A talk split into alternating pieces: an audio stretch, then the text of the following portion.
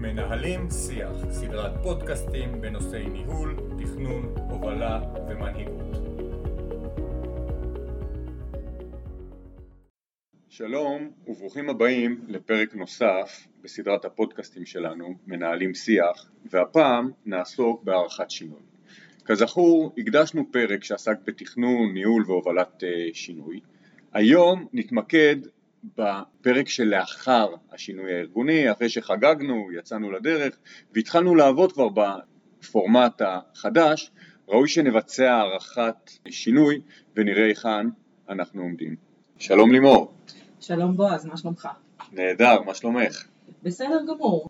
מודל הערכת שינוי הוא מודל שפיתחנו ביחד, אתה ואני, לפני מספר שנים, פשוט תוך כדי תנועה. המשכנו לשכלל אותו במהלך שינויים ארגוניים נוספים שהובלנו בשנים האחרונות. אם נזקק את הכל למשפט אחד, מדובר בבחינה של כלל מרכיבי תהליך השינוי הארגוני ביחס ליעדים שהגדרנו ביציאה לדרך. אז בעצם נדבר היום על איך זה עובד ומה הם העקרונות המרכזיים של המודל הזה. הייתי אומר שמה שאנחנו עושים בתהליך הערכת שינוי זו בעצם סוג של הסתכלות לאחור אבל בראייה קדימה. אנחנו מסתכלים על התהליך שביצענו, בוחנים היכן אנחנו עומדים באותו שלב, עם הסתכלות מפוקחת על המציאות ועל מה שצופה פני העתיד. בואו נתאר כמה עקרונות מרכזיים למודל.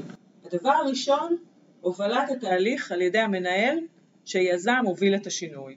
מחויבות הנהלה, מהלכי הסברה, מה בעצם אנחנו הולכים לבצע בתהליך הזה של המדידה, פתיחות ושקיפות לאורך כל התהליך ותזמון נכון למדידה. אז בואי נפרט קצת על העקרונות שעליהם דיברת. הדבר הראשון היה הובלת התהליך באמת בכללותו על ידי מי שהוביל את השינוי הארגוני, אבל הוא לא עושה את זה לבד. מנהלי היחידות ומנהלי המשנה שלו הם אלו שמובילים את התהליך בעזרת צוותים משולבים שמורכבים ממגוון עובדים ומנהלים שהיו מעורבים בשינוי, עובדים ומנהלים שהיו לצד השינוי ואולי לא מעורבים בו ובדרך הזו נצליח לקבל תמונת מצב מאוזנת שאיננה מוטה יתר על המידה. המרכיב השני שצריך להתייחס אליו, כפי שנאמר, זו מחויבות של הנהלה וגם תקשורת פנים ארגונית. מהלכי הסברה, חשוב מאוד לחדד בקרב עובדים ומנהלים את המצופה מהם במהלך התהליך, ממה מורכב תהליך הערכת השינוי ולעשות תיאום ציפיות בעיקר לגבי עיקרי הדברים שיהיו על הפרק ושיאפשרו תהליך נכון ויעיל יותר.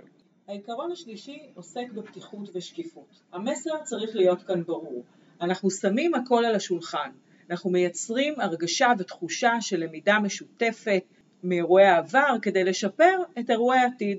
יש לך דוגמה שתמחיש את זה? כן, בהחלט. במסגרת שינוי ארגוני שביצענו ביחידה מסוימת, החלטנו על מיזוג מכלולים מתוך הערכה שהשלם יהיה גדול מסך חלקיו והדבר ישיא ערך רב יותר לארגון. קבענו יעד מדיד לתוצאה המצופה. במסגרת הערכת השינוי מצאנו שהמהלך לא הביא לתוצאה הרצויה. מה שקרה בפועל הוא שתחום אחד הלך לאיבוד על חשבון תחומים אחרים. עשינו חישוב מסלול מחדש וקבענו מתווה חדש ונכון יותר על בסיס תוצרי הבחינה.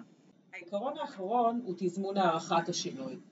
מומלץ להתניע את מהלך הערכת השינוי לאחר שעברה תקופת זמן מספקת מסיום התהליך וישנה אווירה כזו של עסקים כרגיל.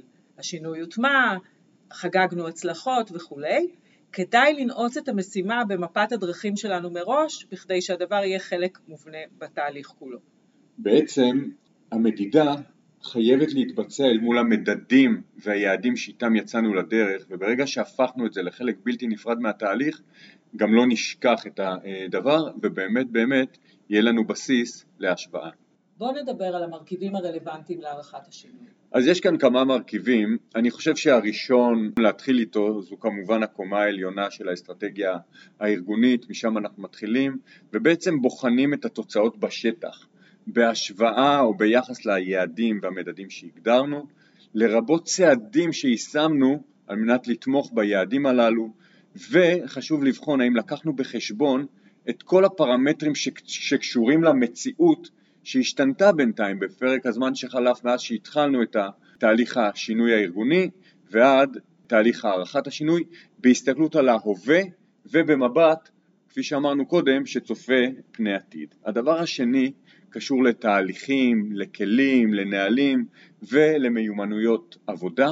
כיצד השתנו התשתיות הארגוניות וכיצד הן תומכות בשינוי שביצענו והאם השינויים הללו היו מוצדקים ומה עוד אמור להשתנות או להיעשות בהקשר לתשתיות האלה.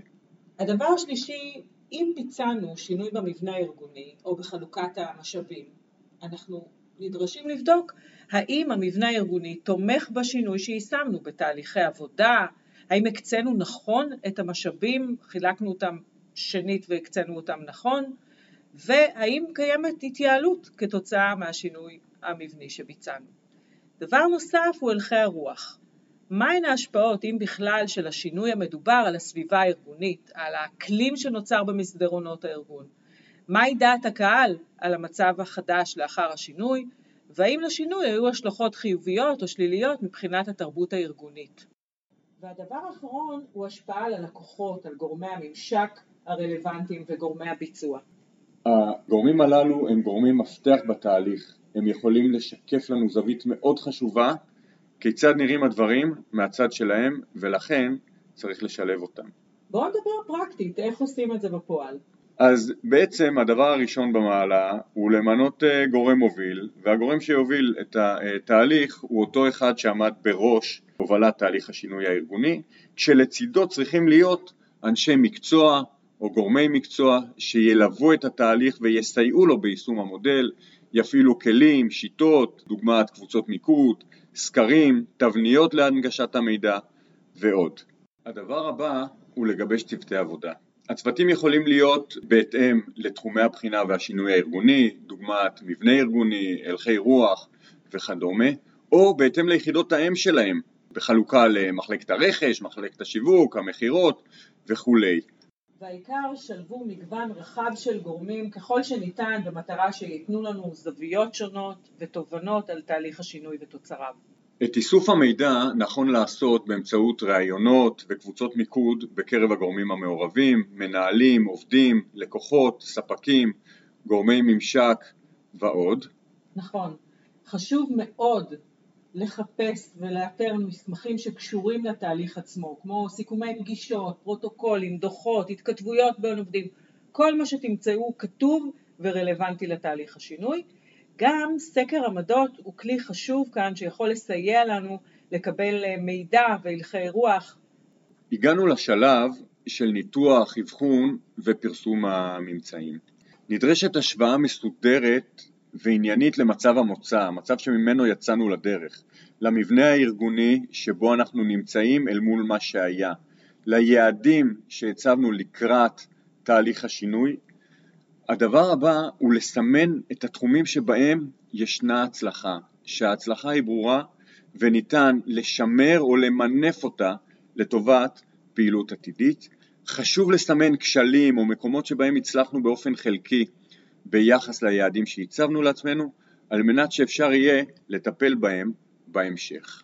המרכיב האחרון והחשוב הוא גיבוש תוכנית פעולה עתידית מבוססת על תוצרי הערכת השינוי והממצאים שעלו במהלך המדידה. אז למה בעצם המודל הזה הוא לא נפוץ, אנחנו לא מרבים לפגוש אותו? ראשית, חוסר מודעות והכרת המודל. יש, אנחנו בדרך כלל רגילים לסיים תהליך של אבחון, לחגוג את ההצלחה ולהיכנס לשגרה עד למועד שבו אנחנו מבצעים אבחון חוזר. אני חושב שיש פה דבר נוסף.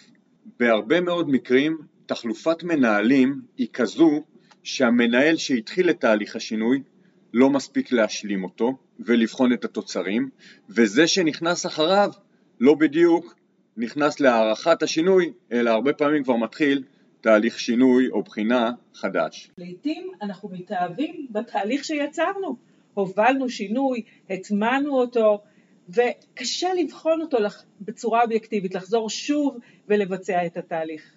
לסיכום, תיארנו היום מודל למדידת והערכת השינוי הארגוני.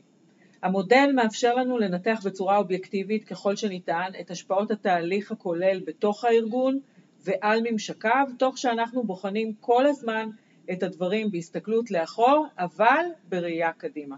אני הייתי מכניס פה עוד איזושהי סוגיה או הסתייגות. אנחנו לא צריכים להיבהל מכך שבתהליך הערכת השינוי מצאנו פערים ביחס למה שהיה מצופה.